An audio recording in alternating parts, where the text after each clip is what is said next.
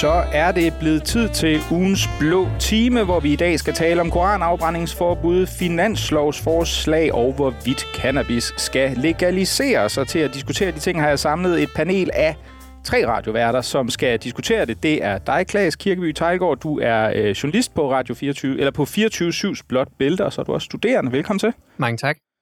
Og derudover Ali Aminali, som er vært på Alis Fæderland på 24-7 og tidligere socialrådgiver og meget andet også i øvrigt. Ja, tak for det. Sidst, men ikke mindst, Rasmus Ulstrup, skribent og direktør på Kontrast. Også velkommen til dig, Rasmus. Tak.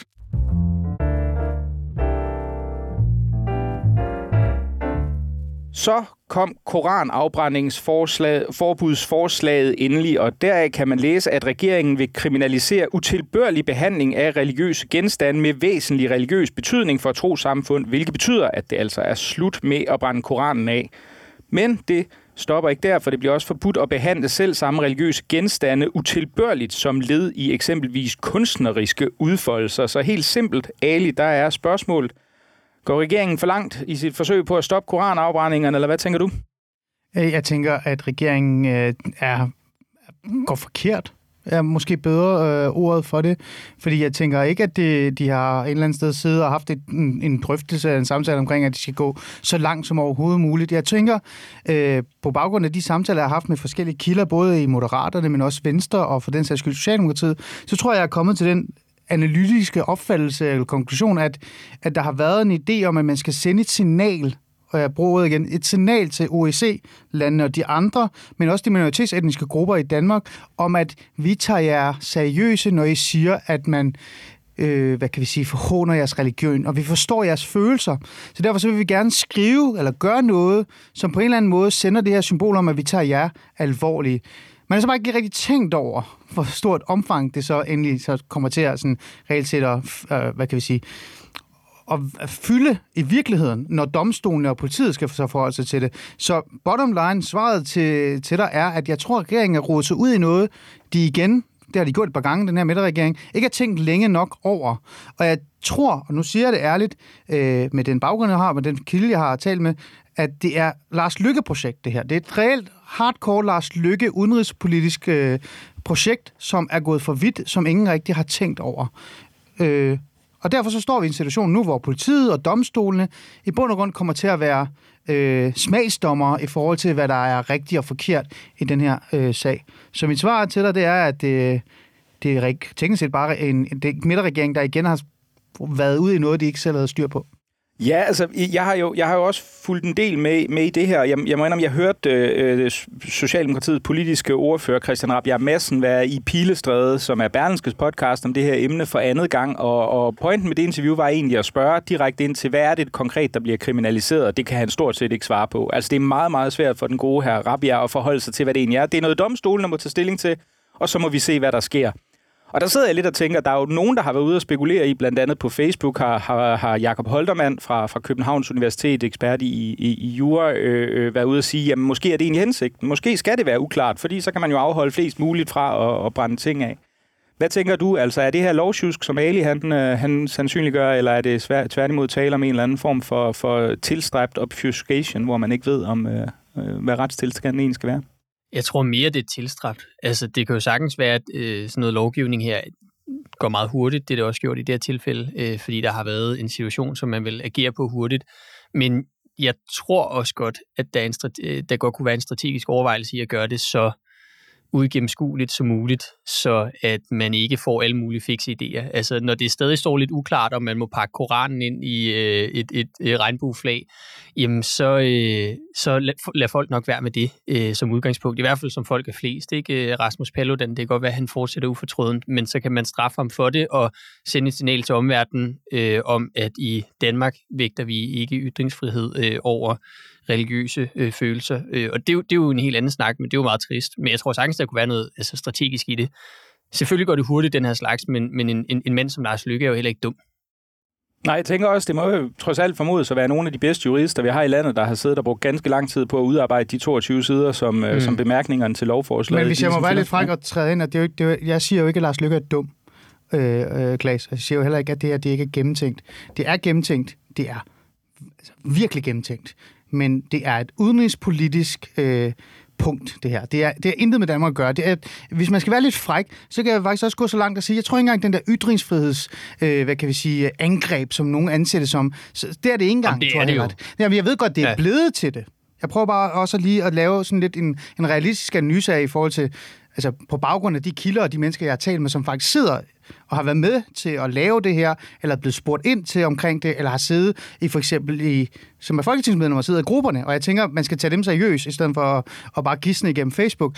Det, det her, det handler i bund og grund om, at der var brug for at gøre noget, der var brug for at sende et signal ud og sige, at Danmark er ikke et land, der respekterer og accepterer, at Koranen bliver... Det handler om Koranen, lad os nu bare være ærlige, det handler om islam. Øh, bliver sådan på den måde øh, forhånet. Øh, så lad os svare på det på en måde, OEC-landene og andre kan forstå, det accepterer vi ikke. Kan vi putte det under den der, den franske metode, der hedder, at det skal være under det, der hedder, at man ikke må... Og hvad er det, det hedder sådan noget med, at man ikke... Ordensbekendtgørelsen. Det kan man godt, men samtidig så er det ikke et godt nok signal, fordi det er sådan lidt kedeligt. Øh, og øh, så er der også noget med grundloven, det er det, jeg har fået at vide. Så derfor så har man valgt at tage den her beslutning, der hedder, det her det er bare en god måde at signalere på. Som så bagefter sat sig ned og tænkt, nå ja, nu har juristerne gjort det, de skulle gøre, det er det, de har fået at vide, de skal gøre. Men så er der bare en, en ny dør, man åbner op for, og det er det der med, hvad er det så? Og det er så domstolen og politiet, der skal forholde sig til det. Altså i forhold til, hvad er det så ytringsfriheden? Hvor går den hen, og hvornår er forhåndelse en forhåndelse? Hvad er for eksempel et symbol, altså et, et, et for eksempel tørklæde?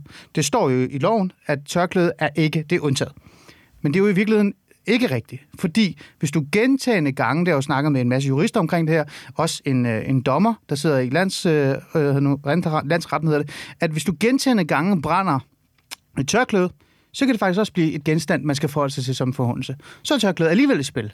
Så igen, jeg prøver bare at sige, at jeg siger ikke, det er sysk. Jeg siger, at man har fået en opgave, man har fået at vide, at man skal gøre noget, som skal sende et udenrigspolitisk signal, og som bare endte med et monster, man ikke rigtig havde styr på. Mm. Det er derfor, at det, der kommer til at ske fremadrettet, det er, at det kommer til at være den præcedens, der bliver lagt ret hurtigt i, øh, i retspraksis, der kommer til at afgøre tingene. Vi havde jo også en bla- blasfemiparagraf før.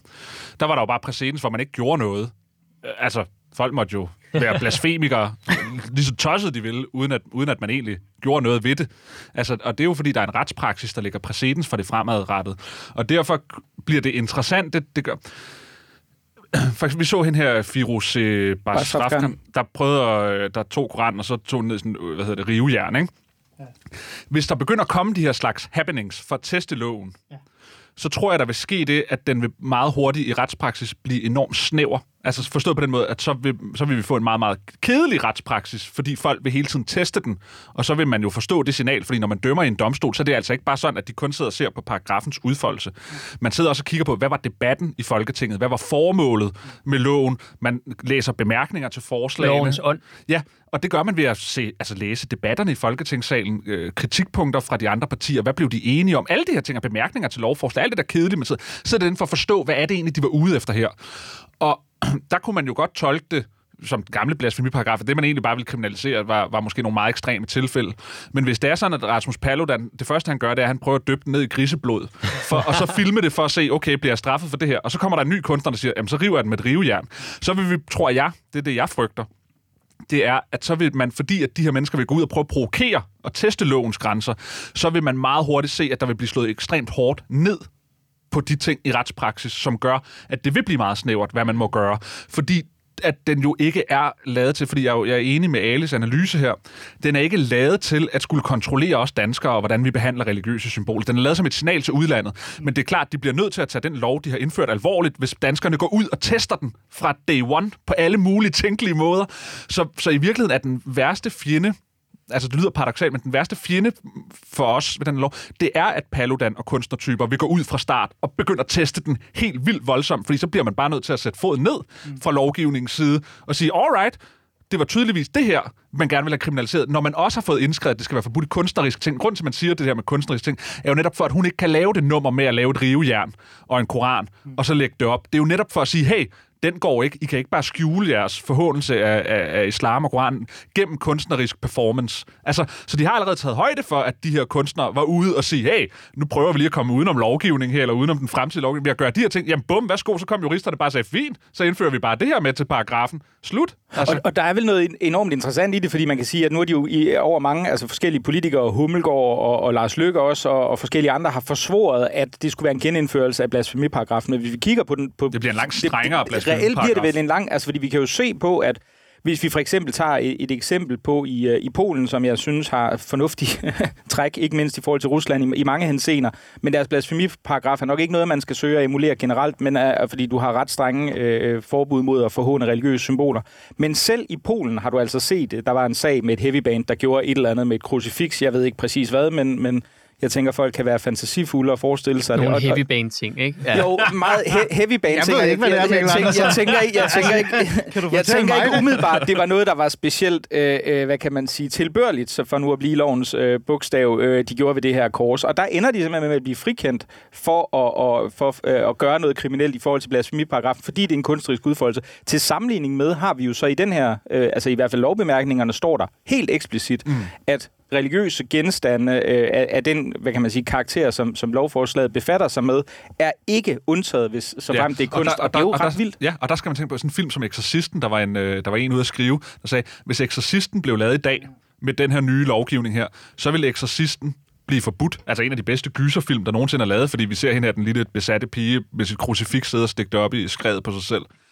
Altså, altså, altså, så er vi ude i... i en af de bedste film, der nogensinde er lavet. Det er min yndlingsfilm. Det kom til at lyde utrolig forkert, Rasmus. Nej, det er jo en fantastisk film, men det er bare for at sige, altså det er jo ret sindssygt, det her. Hvis, ja. hvis, hvis nogle af de film, vi ser i Vesten som noget, en stor del af vores kunsthistorie, pludselig vil man sige, at det vil være forbudt i dag. Ja. Altså, Jamen, det, det, der er jo flere eksempler på det. Der er også øh, øh, der, der er Life of Brian. Ja. Der er også nogen, der har lavet sådan et sjov gimmick om, kan den overhovedet være lovlig? Øh, så er der også hele den der med, øh, jeg kan ikke med Gibsons, den der Jesus-film, hvad den hedder? Passion of the Christ. Ja, er den egentlig også? Øh, men, men igen, jeg, jeg kan jo ikke lade være med at prøve at bare være sådan en lille smule rationel og finde ud af, hvad fanden er det, der foregår, i stedet for... For jeg er jo enig med dig, jeg er også en ytringsfrihedsfanatiker, så det er jo ikke, fordi jeg er imod det. Øh, jeg er med, jeg er med jer. Men jeg kunne ikke lade være med at også stille øh, nogle spørgsmål til de her sådan, sjove jurister, jeg talte med også, den her dommer her, hvor, hvor jeg sådan, prøv at høre, at det her det ender jo fuldstændig galt. Så han, jo, hvis jeg skal forsvare dem lidt, der er to scenarier her. Det er, at vi skal jo, ud over alle de ting, du sagde lige før, øh, omkring, hvad man skal egentlig forholde sig til debatter og sådan nogle ting, så skal man jo også forholde sig til, hvad det menneske, det individ, der nu krænker eller gør, hvad, hvad er det for en historik, de har med sig? Så hvis det er reelt set en kunstner, der laver religionskritisk kunst, øh, så er der ikke en stor sandsynlighed for, at der laver, man laver en præcedens, der hedder, at man smider dem i to år i fængsel så, så slipper de, Mikkel, ligesom du, du nævner der med Polen. Så man går ind og kigger på historikken, man kigger på, hvad er personens formål, hvad har de gang i, og der sagde han så noget sjovt, det var sådan lidt, og så er vi fucked igen, undskyld, jeg bruger ordet fucked, fordi så er vi jo tilbage til det der med, at den her lov er jo i grund kommet, fordi man vil sende et signal til udlandet, så hvis jeg skal stå som dommer eller politiet, og afvise de her sager, men så er vi tilbage til, at folk så kan kalde os islamofober, og Danmark gør ikke nok, og hvorfor gør det ikke nok, og vi vil have mere, og så står Lars Lykke præcis i det mm. samme problem mm. om seks måneder. Mm. Så, Fordi vi kan aldrig gøre nok, nej, hvis man spørger... Så domstolene øh, kommer til at være ja. i en situation, hvor de et eller andet sted skal forsvare dansk udenrigspolitik, øh, dansk ytringsfrihed, men også minoritetsetniske øh, følelser og religionskrænkelser og alle de her ting.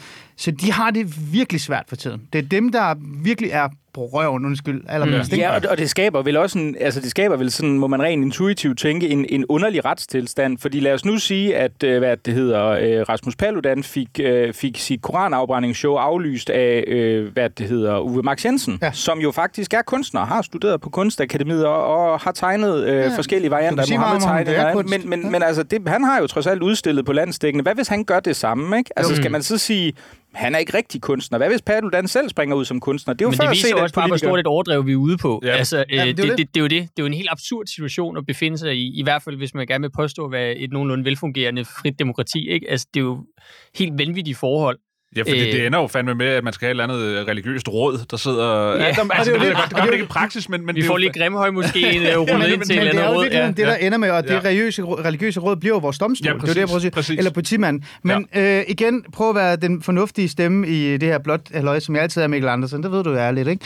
Så, så er jeg også sådan lidt og leget med ideen og tanken, efter at have talt med en masse kilder uden for regeringen, øh, men også inde i regeringen, omkring det her med, bliver det her forslag virkelig til noget, som det er?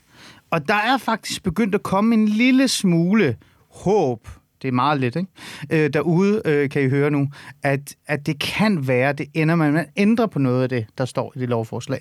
Fordi der er faktisk intern splittelse i partierne og regeringspartierne. Der er folketingsmedlemmer, der sidder derude og siger, at det her, det var ikke det, vi fik at vide, mm. I ville fremlægge for os. I har fremlagt noget andet, der ikke engang er blevet drøftet i vores grupper. Der sidder faktisk øh, nogle regeringspartier derude, jeg vil ikke sige, hvilken nogen der er, men hvor, hvor det faktisk ikke engang var blevet drøftet før man stillede sig op og sagde det til øh, journalisterne. Jeg synes, der var en fra Moderaterne. Jeg tror, du Ja, havde dit noget program, den stil. Ali, var som, øh, der. som virkede øh, noget Karen misfornøjet. Fra Moderaterne er i hvert fald ikke særlig glad, men mm. der er også socialdemokrater, jeg har talt med. Jeg har også talt med venstrefolk. Så jeg prøver bare at sige, at det er ikke det sidste, vi har hørt. Der, Men- der kan men- godt ske Altså, noget. jeg vil også kunne komme i tanke Bare om sig- i hvert fald nogle socialdemokrater og nogle venstrefolk, som jeg altså bare intuitivt ved ikke er glad for det her forslag. ikke? Øh, og, og, og sådan en, en, en god mand som Frederik Vad har jo også sendt små hints ud om, hvad han synes om det, uden sådan rigtigt at sige det. Ikke?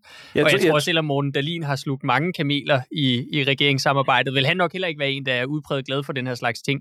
Men jeg synes, der er noget interessant ved det lovforslag, som så er et med at komme, fordi jeg frygtede faktisk, det ville være endnu værre. Altså først havde man jo hørt, at det skulle være sådan noget forhåndelser af andre landes religioner, kulturer og andre, altså lande, andre stater. Øh, og der er det jo trods alt blevet indsnævret i det lovforslag, som kommer til at ligge nu her. Ikke? Altså fordi, det, ellers var det jo sådan noget, hvor vi var ude og begynde at overveje, om, om, om det skulle være forbudt at flage med Tibet-flag, når Kina kom på besøg og sådan noget. Så bliver du ked af det. Nå, nå, nå, ja, nå, øh, ja, selvfølgelig så vil jeg da blive ked af det. Det ville da være et endnu større indgreb. Altså, Ja, så sådan. Der har allerede været en proces, hvor at det, som Lars Lykke til at starte med sagde, det som Peter Hummelgaard sagde bagefter og sekunderede osv., det er jo blevet indsnævret. Altså, det startede med at være sådan Ja, meget meget, større. meget Meget vage større. formuleringer, ikke? Jo. Øhm, og så må, har de jo nok lavet en vurdering af, at øh, vi kan gøre OEC nogenlunde Ja. fornøjet øh, det ved er at også- lave den her løsning Men, her. men problemet er jo, og det, og det har, er jo også blevet skitseret i det, i det, som Ali siger, det er jo, at regeringen står i, i lidt af et dilemma, fordi hvis man kan sige, hvis du udvander det nu, altså, de, Ja. de, altså så, så, så vil du jo stå med, at du så har sagt til UIC, jamen vi, vi gør noget håndfast nu, mm. Vi sørger for at lave en, en kriminalisering af koranafbrændinger, og så viser det sig så, at der kan komme performancekunstnere, og lurer mig, om der ikke kommer til at gøre det så på et er eller andet tidspunkt, som Ja. formodentlig er performancekunstnere, og så vil, så vil gøre præcis det samme. Det kunne være Firoze Basravkan, det kunne være Uwe Max, det kunne være alle mulige. Ja. I don't know, altså Men det er jo i derfor, det er jo teorien i hvert derfor, fald. det, er derfor det, det hele det er, at La- Lars Lykke er en kæmpe forræder ved overhovedet at have sat det her i gang. Jamen, Nå, men enig. Altså, Fuldstændig altså, det er jo der, den starter, Ah, det det den slutter, ikke? Fordi, fordi det er bare... Altså, Ej, det, altså, det, det, Jeg synes, det er stort at kalde manden for for. forræder. Er det synes jeg- det- det Altså, synes jeg er man en forræder, Det når man er udenrigsminister for Danmark, så varetager man danskernes interesser. Og Lars Løkke, han varetager sine egne interesser ved det her. Og det er være en forræder Men prøv at hvis man skal være lidt, det. hvis man skal være lidt Jamen, man skal ikke være fornuftig, når en mand Jeg er han bare glad for, underkaster at sig vi ikke havde islamister. ham Man under skal over- hverken ja. Mohammed-krisen Ja. eller ikke nu verden. Nu skal, nu Det skal jeg af, hensyn til Ja. lytterne skal jeg igennem og sige, at, at Klaas har ordet. Jamen, jeg vil bare sige, at jeg er glad for, at vi ikke havde Lars Løkke under hverken Mohammed-krisen Mm. eller 2. verdenskrig. Fordi Ja. altså, med den smule øh, ryggrad, han har, øh, der skal jo ikke så meget til, før han bøjer sig, kan vi jo godt fornemme. Altså, han er øh, den der pragmatiske idealisme, som er hans linje som udenrigsminister. Det betyder åbenbart, at vi skal skære et hjørne og file øh, en tand, når vi kan, af, af, de danske frihedsrettigheder, ikke? Øh, for at for eksempel plise OIC. Øh, og jeg, altså selvfølgelig forræder er et voldsomt udtryk, men jeg synes ikke, det er forkert at at bruge øh, om, om, en, om en mand som Lars Løkke, og det som han gør i, i sådan et tilfælde her. Altså fordi man kan godt være i tvivl med ham, om det er de danske borgers interesser, han i virkeligheden har for øje her, øh, eller om han vil plise nogle folk i udlandet, som måske en dag skal stemme på ham til en, til en international toppost Men, eller sådan men det er noget. mere end bare det for Danmark, fordi det han også svigter, det er Vesten. Ja. Han svigter Vestens vilje til at være Vesten i verden. Det er rigtigt, det er rigtigt. Vesten er, som ham Jacob Ali, som du havde inden, Mikkel øh, Andersen, her på Kontrast for noget tid siden, så sagde han, en gang var det sådan, at Vesten talte, og så lyttede man i Mellemøsten. Eller det var lige det, der var magtforholdet. Vesten talte, og så sagde de til folk i Mellemøsten, nu skal I lytte, fordi nu taler vi. Hvor det er blevet sådan i dag, at nu taler man i Mellemøsten, og så skal vi lytte her i Vesten. Og i stedet for at stå fast på at sige, selvfølgelig skal den magtbalance ikke forskydes den vej, så underkaster man sig. Det er derfor, det er underkastelse, det Lars Lykke han har gang i. Ja. Og det vi gør her i Danmark, det er, at vi har mistet vores vilje til magt. Og international politik og den globale orden handler om magt, og den vilje har Lars Lykke kastet væk, og derfor er han en kujon. Og så vil jeg lige afslutningsvis sige, nu vi kom ind på, hvad der skete under Mohammed-krisen. Der er måske, der er måske ret få, der opdagede det, men, øh, men her i, øh, jeg tror det var tirsdag måske, eller mandag, havde øh, Anders Fogh Rasmussen en kronik om, øh, angiveligt i hvert fald, samarbejdspolitikken i Jyllandsposten, øh, hvor han langer kraftigt ud efter øh, politikere, der offrer øh, danske frihedsrettigheder øh, i forhold til sådan totalitære kræfter. Og man kunne måske godt med lidt, lidt god vilje læse det, som om den også handlede om andre ting. Det kan jeg naturligvis ikke vide. Jeg kan ikke se øh, ind i hovedet på, på den gode eks-statsminister, men jeg synes, man skulle gå ind og læse den inde på Jyllandsposten, og så kan man jo selv vurdere, hvad man tror, det måske er, han i virkeligheden adresserer.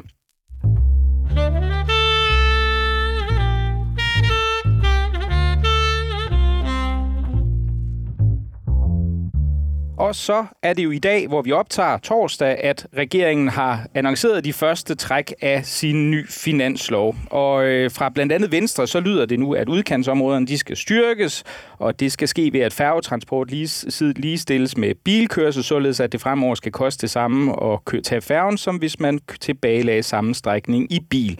Der er også en markant satsning på psykiatrien, der er klimatiltag, sundhed, velfærd og næsten alt andet det forventelige. Vi, er, vi har næsten lige fået øh, fremlæggelsen af finansloven, så det er ikke fordi, vi har den store forkromede indsigt i detaljerne endnu, men altså, du er jo tidligere velfærdskorrespondent, øh, Klaas, så jeg tænker, øh, du må være manden, som, øh, som man skal spørge om, øh, set med sådan blå øjne, altså nu det er jo en, øh, en, en jeg tror, Nikolaj Vammen sagde, det var sådan en, en overskudsagtig finanslov. Er det også sådan, som du ser på det? Det forstår jeg godt, man siger, hvis man er socialdemokrat. Altså, fordi det er, jo, det er jo bare en gavebod, hvor der bliver givet lidt til alle mulige altså befolkningsgrupper. Ikke? Øh, der bliver både givet noget til dem i Jylland, der tager faven, og der bliver givet noget til arbejdsløse unge, der kan komme gratis på museer, øh, og så bruger man 120 millioner på det, og så bliver der brugt nogle milliarder på psykiatrien, og så bliver der brugt nogle mindre beløb på alverdens andre ting. Det, som der var påfaldende ved den, øh, det er jo, at det er svært at se de blå aftryk i det. Altså, hvis jeg skal være helt ærlig, det er en meget socialdemokratisk finanslov, det her, hvor man giver en hel masse. Altså, for eksempel vil man gøre noget for iværksættere, gøre noget for erhvervslivet, og i stedet for at sige, så bruger vi nogle penge i finansloven på for eksempel at lave nogle skattelettelser og rulle noget tilbage, jamen så giver man mm. nogle 100 millioner mm. til iværksættere. Hvad fanden skal man iværksætter bruge 300 millioner i statsstøtte til? Jeg tror da hellere, de vil have, at man fjernede nogle øh, forvridende skatter, eller et eller andet den stil. Ikke? Altså, det er jo sådan en socialdemokratisk mentalitet med, at man, øh, hvis man skal gøre noget godt, så skal man kaste nogle penge i hovedet på folk. Og ikke for noget, men hvad skal det nytte, at man også kaster en hel masse penge i sundhedsvæsenet nu? Det er jo ikke det, der er behov for. Altså, der er jo ikke behov for flere penge i sundhedsvæsenet. Sundhedsvæsenet har jo fået så mange penge i hele min levetid. Ikke? Jeg blev født i år 2000 på Rigshospitalet, og Rigshospitalet har aldrig haft flere penge end nu. Øh, sundhedsvæsenet har aldrig haft flere penge endnu. Den der historie om, at, det, øh, at der er blevet sparet helt vildt i sundhedsvæsenet, er en kæmpe myte.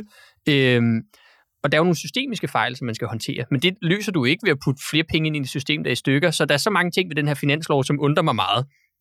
Der er et lyspunkt, og det er, at man vil spare 400 millioner kroner årligt i statslig administration i en række ministerier. Så er der nogen, der er undtaget. Det er blandt andet sådan noget forsvarsministeriet og den slags, øh, så vidt jeg husker. Men men det er jo et lyspunkt, altså fordi øh, vi har lige slået verdensrekord i antallet af, af offentlige administratorer, øh, ikke?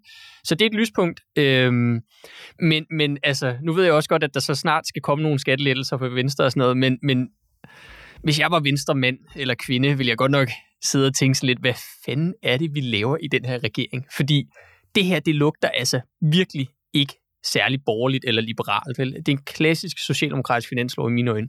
Men kunne man ikke, hvis man skulle være sådan venlig over for regeringen, så sige, at der er sådan en double whammy-effekt i det her, at nu leverer de først nogle milde gaver, det kan gøre Socialdemokraterne glade, og så om en måneds tid, eller hvornår det nu bliver, så kan Venstre fremlægge øh, alle de rare skattelettelser, som de så kan give til deres, øh, deres blå vælgere, og ligesom sige, jamen se, i modsætning til Alex Vandopslag og alle dem, der sidder og, og vil lov jer vindfrikadeller og alt muligt andet, så er der faktisk konkrete, konkrete resultater af borgerlige stemmer, der arbejder. Hvad siger du, Rasmus?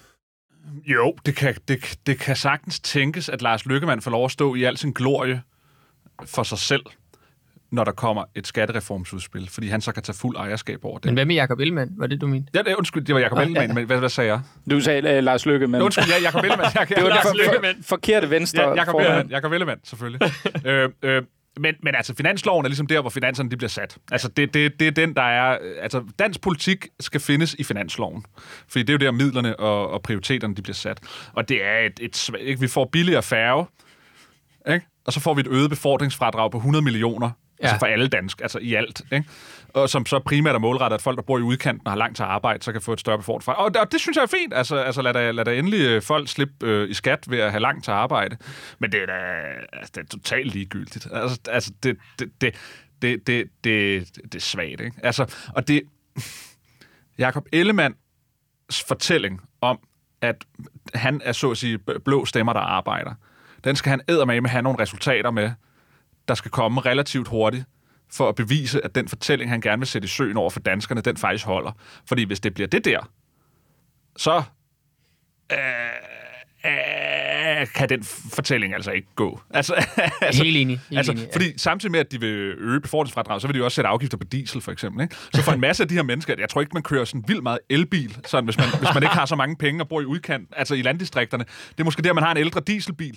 Ikke? Og så bliver den, det befordringsfradrag bliver sgu nok et op af afgifter på den dieselmotor. Og så kommer så, Venstre også lige at smide nogle afgifter de, ja, i varerne på køledisken, ja, og, så siger og hvad de, de ellers er og på så vej siger med. de, som man altid gør, man siger, at man har givet skattelettelser, og så har vi hævet dem lidt andre steder, fordi det hele skal jo gå i balance. Og så er man sådan, ja, but then what's the point? Ja. Ikke? Altså, og man glemmer øh, jo, at Venstre påstår jo at have fået skrevet et skattestop ind i regeringsgrundlaget, ikke? Øh, men det er jo sådan en underlig skattestop.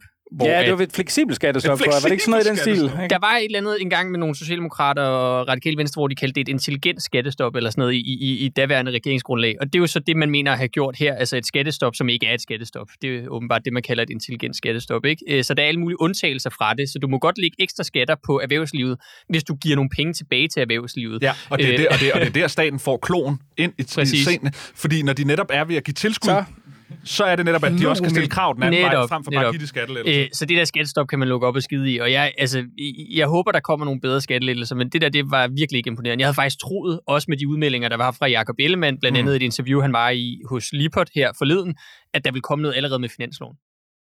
Ali, er du mere positivt indstillet over for, øh, for det, vi har hørt hidtil om øh, den kommende finanslov? Altså, øh, jeg går måske ikke så meget op i skattelettelser, som de andre to gør, og man kan høre, det er virkelig et blot time, man har været ind i. Er du ikke borgerlig? Jo, jeg er borgerlig, men jeg, jeg går ikke så meget op i skattelettelser. Der er også andre ting, du kan køre i din bimmer, mand. Ja, men det er noget andet. Den betaler jeg selv for, efter jeg betaler skatter. Øh, hvis man nu skal tage den der politiker, politisk kommentatorkasket på, som jeg nu også netop er jo i virkeligheden i mit erhverv, det er det, jeg lever lidt af, ikke? så jeg kan betale skatter, så er det jo lidt interessant, fordi i virkeligheden, så synes jeg jo ikke, der er en så stor øh, overraskelse over det her, Mikkel. Øhm, fordi hvis man kigger på, hvordan at den er blevet modtaget af finansloven, både internt i regeringen, øh, altså blandt deres egne, men også eksternt, så kan man jo se, at det er sådan en klassisk, vil jeg kalde det, det er jo ikke klassisk, for det er jo noget nyt det hele, sådan midter beslutning. Fordi at hvis man kigger på, igen, som jeg siger, øh, reaktionerne, øh, enhedslisten og SF og de andre, de Øh, de råber og skriger af Socialdemokratiet og siger, at de har fået Lars Lykkepiller, og det er blot, og det er, man, man giver ikke nok til psykiatrien, man giver ikke nok til, til alle de her forskellige ting. Seniorpensionen, den er forsvundet. Der er åbenbart ikke øh, nok, øh, altså der er ikke flertal til at få, få styr på den. Og det er, jo, øh, det, det er jo den borgerlige ordning, som ligesom gik før Arne Pension, ja. hvor man faktisk får en højere ydelse, ja, hvilket er lidt ironisk, ja. men du skal så visiteres ja, til den det, i stedet for. Der siger Vamme jo, så står Vamme jo og siger, at jamen, det, vi bliver nødt til at droppe det, der er ikke rigtig noget ved det. Modsat de blå der har vi to herrer her, men også generelt, der råber og skriger og siger, at øh, Lars Løkke og Ellemann er blevet socialdemokrater, der er ikke noget. Så hvis man skal være lidt fræk, øh, så kan man jo sige, at det her har jo i bund og grund bare været den nemme finanslov at lave. Altså, de har fundet en midterløsning, og så har de sat sig på nogle af de ting, som danskerne har efterspurgt. Øh, psykiatri, øh, øh, noget med fradrag, for det har der faktisk været mange danskere, der har efterspurgt lidt mere til, og så videre, og så videre. Og så har man fået sådan en midter øh, finanslov, som så jeg, altså efter min vurdering, når jeg sidder og kigger det her igennem, jeg, igen, vi har jo lige fået det, øh, så synes jeg faktisk, den er lidt sjov, for den lægger netop, altså den giver netop plads til, at, eller hvad, man har en forventning om, at lige om lidt, så kommer de der forskellige udspil for de forskellige partier i regeringen. Så kan det være, at Lykke øh, går ud og siger, at jeg vil gerne have det. Så kommer men Ellemann, der er jo kun en forhandlingsreserve på en halv milliard. Jo, det er altså ikke mange altså, skattelettelser, Jacob Ellemann kan få for det, medmindre de skal ud og finde nej, noget mere finansiering stadig, et eller andet sted. Men det er stadig bedre end ingenting. Det er jo ikke, fordi jeg siger, jeg er ikke tilfreds. Nå, nej, nej, men det er mere, inden, inden vi får snakket om, altså det kommer vi også til før nærmest at få til som om, så kommer de store skattelettelser som lidt. Der er jo ikke særlig meget rum for Jacob mm. Ellemann til at lave... Kom, øh... Den her regering kommer aldrig med store skattelettelser. Det men, kommer men, ikke til men, men vi, har vel, vi har vel i regeringsgrundlaget, og nu sidder vi så og laver det, jeg tror, man, man i fagsprog kalder research for åben mikrofon, men, men, men, men der er vel altså i regeringsgrundlaget aftalt de her skattelettelser på en 4-5 milliarder kroner, mm. som, som man kunne blive enige om, og de må vel forventes at blive udmyndtet Jo, På På en et eller måde. tidspunkt. Ja, over på en en eller anden måde. Ja. Ja. Men vi ved jo ikke, hvordan, for der er jo ingen, der har fremlagt, en, i hvert fald så vidt jeg ved, et, et forslag eller en idé om det endnu. Men jeg prøver bare at bide mig fast, jeg bider mig i hvert fald bare især fast i, at, at der er jo ikke rigtig nogen, der er særlig glade.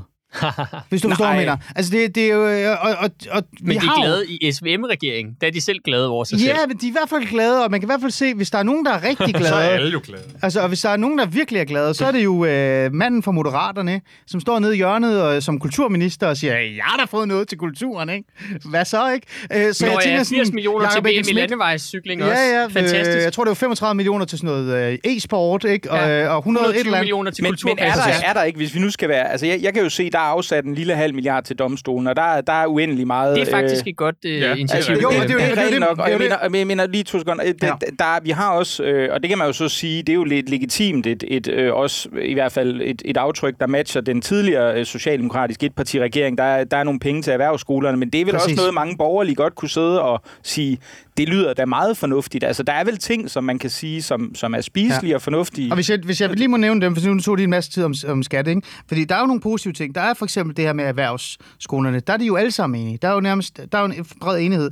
Øh, psykiatrien i sig selv er jo også fin, at man har smidt nogle flere penge ind i psykiatri- psykiatrien, når man tænker på, hvor mange de allerede har givet, eller har lovet, de vil give. Det er bedre end ingenting. Øh, så der er jo nogle, nogle gode muligheder for at, at rykke lidt. Klimaet i sig selv er jo også godt. Det er jo blevet mødt af Landbrug og Fødevarestyrelsen, eller hvad det hedder nu. Ved jeg det nu? De der frække fra Landbrug og... Altså landbrug og fødevare eller Ja, bæredygtig landbrug. ja, der er nej, jo to. de andre- de andre bæredygtig landbrug- landbrug er de frække. Nej, nej, de andre halv Okay. mindre frække, ikke? Ja. Øh, så der, der er ja, præcis. Så der er blevet... Altså, finansloven i sig selv øh, har jo smidt nogle penge ind de rigtige steder. Men igen, jeg synes jo bare, det viser endnu en gang, at det her, det er sådan en... Det er en midterregering. Alle skal være tilfredse. Men på så- så lidt hvad, som hvad, siger, hvad muligt. siger du, Rasmus? Jeg, siger, jeg siger ja, ja, men det har Ali da ret i. Altså, det er jo- Ja, ja, ja, ja. Men det, der var selve sell- selling pointet for de borgerlige i at gå i den her midterregering, var, at de kunne få bedre borgerlige resultater, end de kunne udenfor. Ja, men det er jo en løgn. Det er jo en kæmpe løgn. Det har du været fra start. Det ja, er ja, vist. ja, ja, det er fint. Mm. Men, øh, men, men, men det er klart, at, øh, at så er det selvfølgelig ens ansvar at påpege den løgn, når den viser sig. Øh, fordi at Jakob Ellemanns store projekt jo nu også er at smide Blå Blok under bussen for at fortælle, hvad han kan opnå som borgerlig stemme, der arbejder i en midterregering. Men hør, hov, hvis vi nu tager den på ordet, og så siger, jamen lad os forestille os, at regeringen havde lavet den her finanslov med venstrefløjen. Altså hvis vi havde fået en fortsættelse af Mette Frederiksens etpartiregering, og så havde de søgt deres flertal hen over midten. Altså er der ikke en legitim pointe i at sige, det kunne da være, altså nøgternt set, det kunne da være, det kunne da være møg værre, som man vil sige over i Jylland. Ja, ja, men alting kan jo blive værre. Det kunne da også være værre, hvis enhedslisten kom i regering. Altså, altså det, er jo, det, er jo, det er jo irrelevant for, for, for den kritik, der er enhver borgerlig øh, sindet persons øh, pligt at formulere, når vi har et venstre, der smider sin egen blok under bussen for at fortælle, at det er her i midterregeringen, man kan få det, man ikke engang kunne drømme om ude i blå blok. Mm. Fordi det er helt åbenlyst med den her finanslov. Selvfølgelig en løgn. Altså, altså det, det, det er jo helt åbenlyst, at den fortælling passer ikke. Det kan Ja. godt være, den kommer til det med tiden. Vi kan ikke se ind i fremtiden. Men umiddelbart er der ikke noget ved den her finanslov her, der viser, at Ellemands løgn er sand. Altså, det, hans løgn er bare en løgn. Øhm, og jeg vil sige, man skal også, altså der er ligesom et, et, et kort og et langt sigte. Det er jo rigtigt, at man kan afvæve en større katastrofe potentielt set, hvis man havde lavet den med venstrefløjen, den her finanslov, øh, ved at være venstre og gå ind i regeringen. Det er klart, så kan man gøre noget på kort sigt, hvor man måske afværger nogle større katastrofer, end den man selv gør sig skyldig i. Ikke? Men der er også et længere sigte, altså, øh, fordi det kan da godt være, at hvis Socialdemokratiet var gået i regering bare med Moderaterne, og så havde hævet SF ind, at vi havde haft en mere venstreorienteret finanslov. Men omvendt havde vi også haft et venstre, der kunne stå i egen ret, definere et nyt borgerligt projekt, og som på længere sigt kunne gøre, at Danmark blev et mere borgerligt land. Altså, der sker jo det nu, øh, det er jo det samme dilemma, som Anders Fogh og Claus Hjort stod i i sin tid, øh, at hvis man for at afvæve sådan kortsigtede katastrofer, øh, går i seng med Socialdemokratiet eller velfærdsstaten på en eller anden måde, så kan man ende med på lang sigt at producere meget større katastrofer. Altså øh, sørge for, øh, som Anders Fogh og Claus Hjort, de, de er jo skyld i, at, at, at den danske velfærdsstat kommer vi aldrig nogensinde til at kunne udfordre, og der kommer aldrig til at komme et borgerligt alternativ til det. Det har i hvert fald lange udsigter. Nu har Venstre gjort det endnu sværere ved at gå direkte i regering med Socialdemokratiet. Så det er klart, selvfølgelig kan de på den korte bane afvæve nogle øh, katastrofer. For eksempel at Pelle Dragsted får lov at diktere, hvad der skal være i finansloven. Men, men på lang sigt tror jeg, de sætter Danmark op til en meget større katastrofe, nemlig en, en, en, en, en altså, socialdemokratisk tusindårsrige på en eller anden måde, altså hvor man aldrig rigtig kan få rokket ved den socialdemokratiske velfærdsideologi. Og det er jo sådan nogle ting, der er på spil, men det er man typisk som øh, folkevalgte politiker ret ligeglad med, fordi du har det korte sigte for, ikke? Og du vil også gerne nå at være minister, mens du sidder på tinge. Og med udsigten til den dystre udsigt til et potentielt socialdemokratisk tusindårsrige, haster vi videre til næste emne.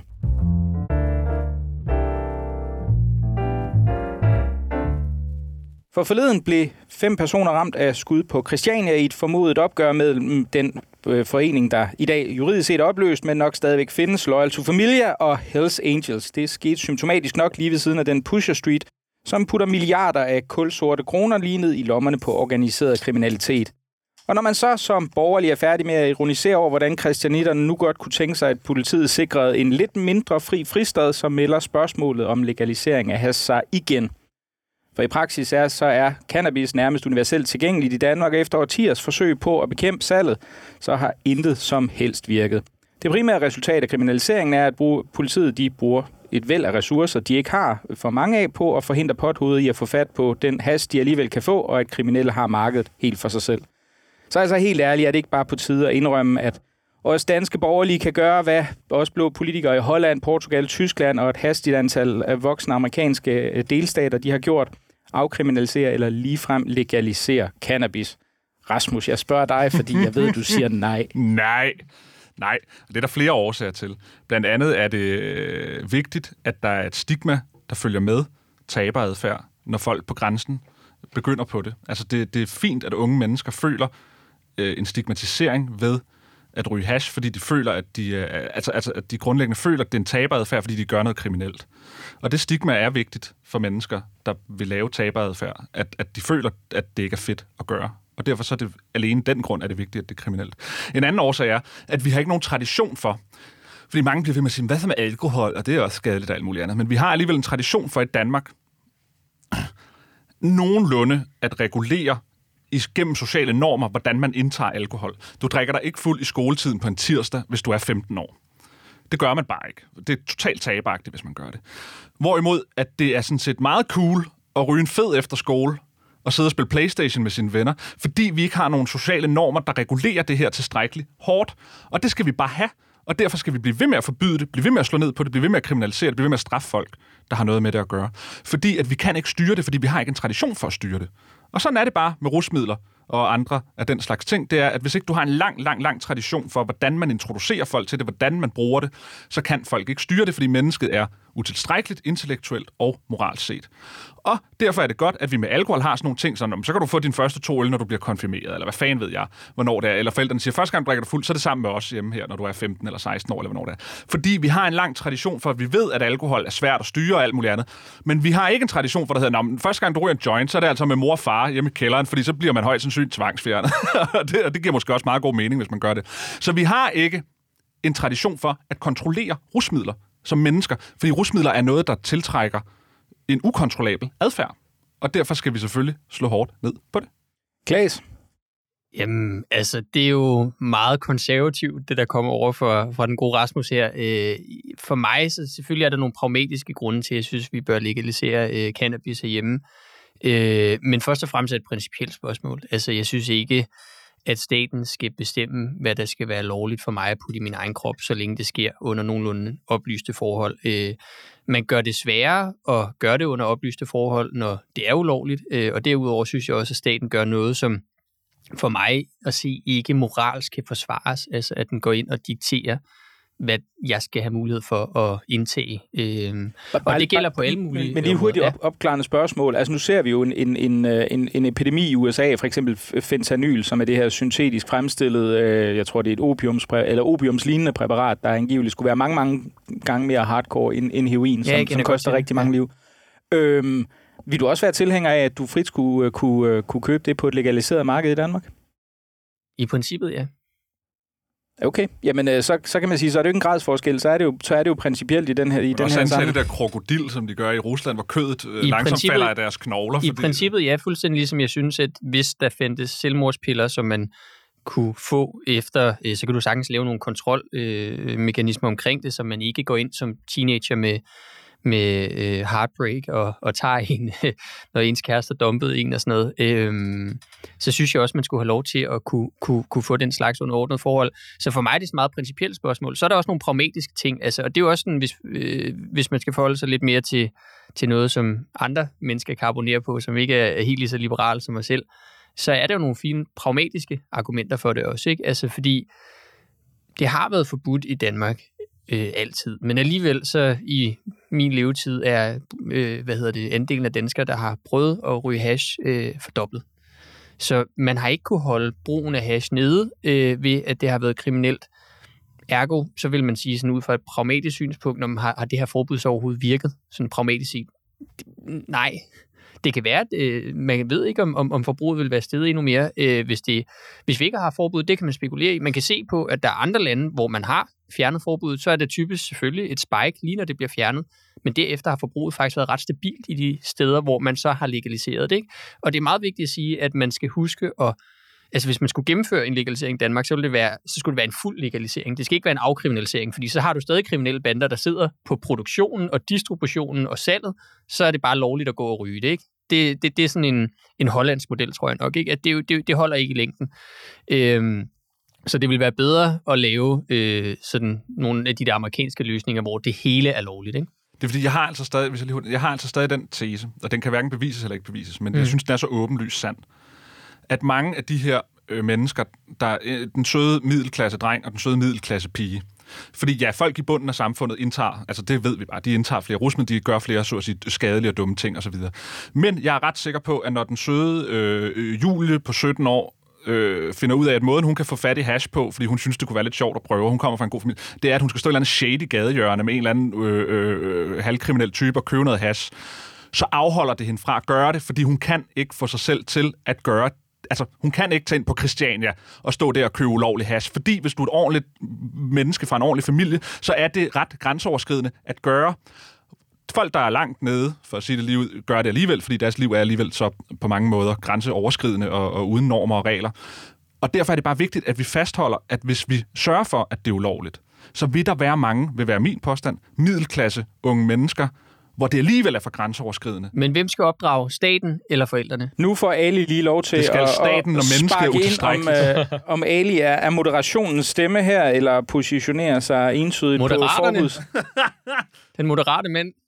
Jeg er sgu ikke den moderate mand, det må jeg indrømme. Øhm, altså, jeg synes jo, altså generelt, bare lige for at ødelægge det hele, synes jeg jo, det er en sjov ting, at vi skal debattere fri hash, fordi der er skyderier på Pusher Street. Det mener jeg jo især burde holdes fra hinanden, fordi at legalisere hash gør ikke, at banderne har mindre at sælge eller tjener mindre. De tjener bare penge på noget andet. Men altså, tror, du ikke, tror du ikke det? Nej, altså, jeg mener, jeg mener nej, vi, vi, snakker, er... vi snakker trods alt om, at, at selvom kokain og, og øh, er, har været i vækst en del, så er efter alle, alle vurderinger, så ser det ud til at være has, der, der er, er de ingen, her banders bread and butter. Der er ingen evidens for, at øh, hvis du kigger på for eksempel de lande, hvor, hvor der er fri narkotika, for eksempel til Portugal, så er det ikke fordi banderne tjener flere mindre penge Nej, det skal, det skal dog siges, det er, fordi det, det er måske fordi, det er afkriminaliseret og ikke legaliseret. Altså, ja, ja. så de skal stadig have det importeret et eller andet sted fra Marokko, eller hvor det bliver. Det jeg prøver at sige, det er, altså, at for eksempel Pusher Street i sig selv uh, står jo for en stor procentdel af salg, uh, hashsalget i Danmark. Ikke fordi det er sådan, men fordi det er bare centraliseret, så er det nemmere at sælge. Uh, så der, der, der vil ske noget, hvis man fjerner det fra Pusher Street, men det vil bare dukke op andre steder, og så hvis hash blev legaliseret eller et eller andet, så vil de kriminelle bander tjene penge på nogle andre ting. Så det vil ikke ødelægge det. Det er en helt anden debat. Men hvis vi skal tage den der fri hash, altså... Jeg ved sgu ikke rigtig, Rasmus Ulstrup, hvor du voksede op henne, eller hvad er det for nogle øh, mennesker, du øh, øh, hænger ud med. Øh, altså, det, jeg kan godt forstå dit ståsted, øh, og jeg har meget respekt for den, og det er også helt fint.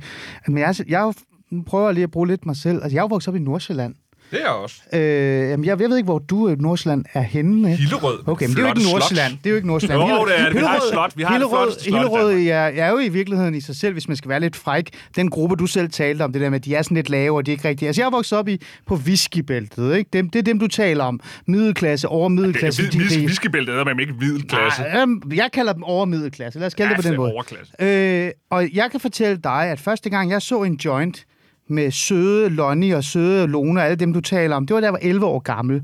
Altså middelklassen, øverste middelklasse og længere op, det er dem, jeg tror, min erfaringsmæssigt, også den viden, jeg har i forhold til det, er nok dem, der bruger allermest euforiserende stoffer. Fordi de netop har pengene, de har tilgængelighed, de har mulighed for det.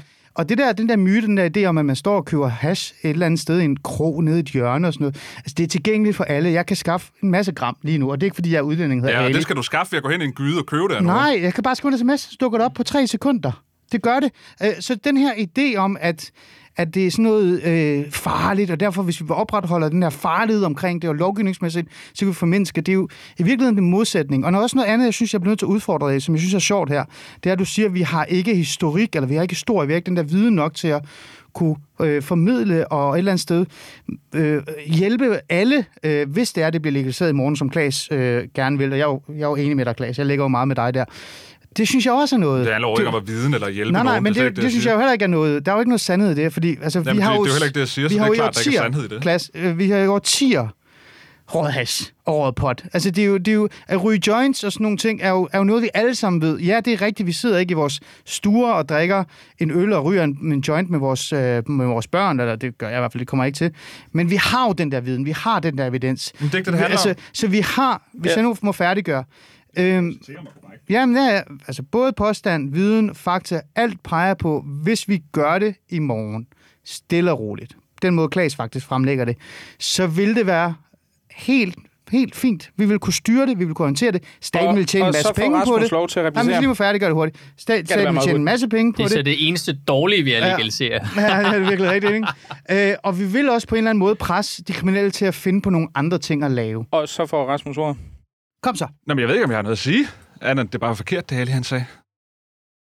Jamen det er også derfor, jeg synes, at alt det, du siger, alt det, du siger, Rasmus Ulstrup, er jo baseret på dine egne Men, men, men følelser Rasmus, og okay, tanker okay, om... så lad mig, så lad mig, så, så, så lad mig, så lad mig skære igennem. Altså, det, det jeg tænker, fordi den, den kan jeg da egentlig også godt tænke, ja, hvis vi nu skal tage, tage fat i det anekdotale, mit, mit, mit eget indtryk, jeg kom fra, jeg, det- der er et eller andet sted i Nordmarokko, er der sandsynligvis en, en bakke, der hedder, med cannabisplanter, der hedder Mikkels Minde, fordi jeg har godt nok røget mange joints. øhm, Jeg tror, det var Kabul. mere. men, men hvad det hedder, men, men, men, men, men jeg tror, at min egen erfaring var da også, at det i høj grad var, at der var en kultur omkring det. At det var den middelklassen og, og den øvre middelklasse. Det er ikke for at underkende, at der også er masser af folk i underklassen, som gør den her slags ting. Men der er vel også en reel ting med, at, at det er socialt acceptabelt, og der er en kultur Det omkring er derfor, det er forkert. Det er netop det, jeg siger. Mm. Det er derfor, det er forkert. Vi har en kultur med alkohol, der siger, at det er socialt uacceptabelt at drikke dig pissefuld en tirsdag, hvis du er 15 år. Men vi har ikke en kultur i Danmark, der siger, at det er uacceptabelt, hvordan vi håndterer hash. Fordi vi ikke har en kultur, der har fået nogle normer ned over det endnu. Det, det, det er jo netop det, der med den pointe.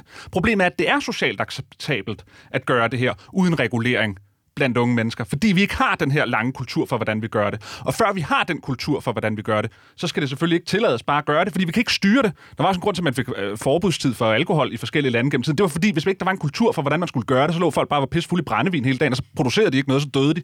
Ikke? Det er, og det er det, det, samme her. Det er netop socialt acceptabelt at være en ung fyr og ryge en joint en, en hverdag. Det skal da være totalt uacceptabelt. Det skal være det mest taberagtige, man kan gøre, det er at sidde og ryge joints og spille Playstation, hvis du er en ung fyr på en hverdag. Men hvis vi så har haft Men jeg kan godt kriminalisering igennem, igennem det kan jeg 60 faktisk år, godt, ja.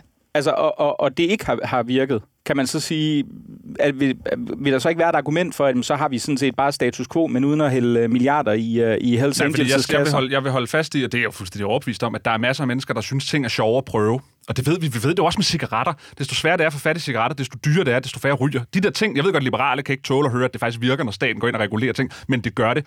Forbudstid mod alkohol løste også alkoholproblemerne i meget høj grad, selvom at den liberale historiefortælling altid er, at det løste ikke noget, Nå, fordi gangsterne købte bare tønder med Jeg vil sige, for mig for. personligt, så er det Altså, ikke, fordi jeg ikke altså- anerkender, at regulering kan virke. Det kan Ja. virke, men det er mere, at det er det- principielt forkert, Ja, at ja, staten ja, går ind og regulerer. nok- Men det er klart, desto sværere det er, desto mere shady det er, desto mere, øh, u, øh, hvad kan man sige, besværligt det er for folk, desto dyrere, eller hvad det kan være, desto mere umuligt det er for folk at få fat i, desto færre mennesker begynder på det. Det er en helt åbenlyst behavioristisk øh, adfærdsteori, der holder i enhver henseende.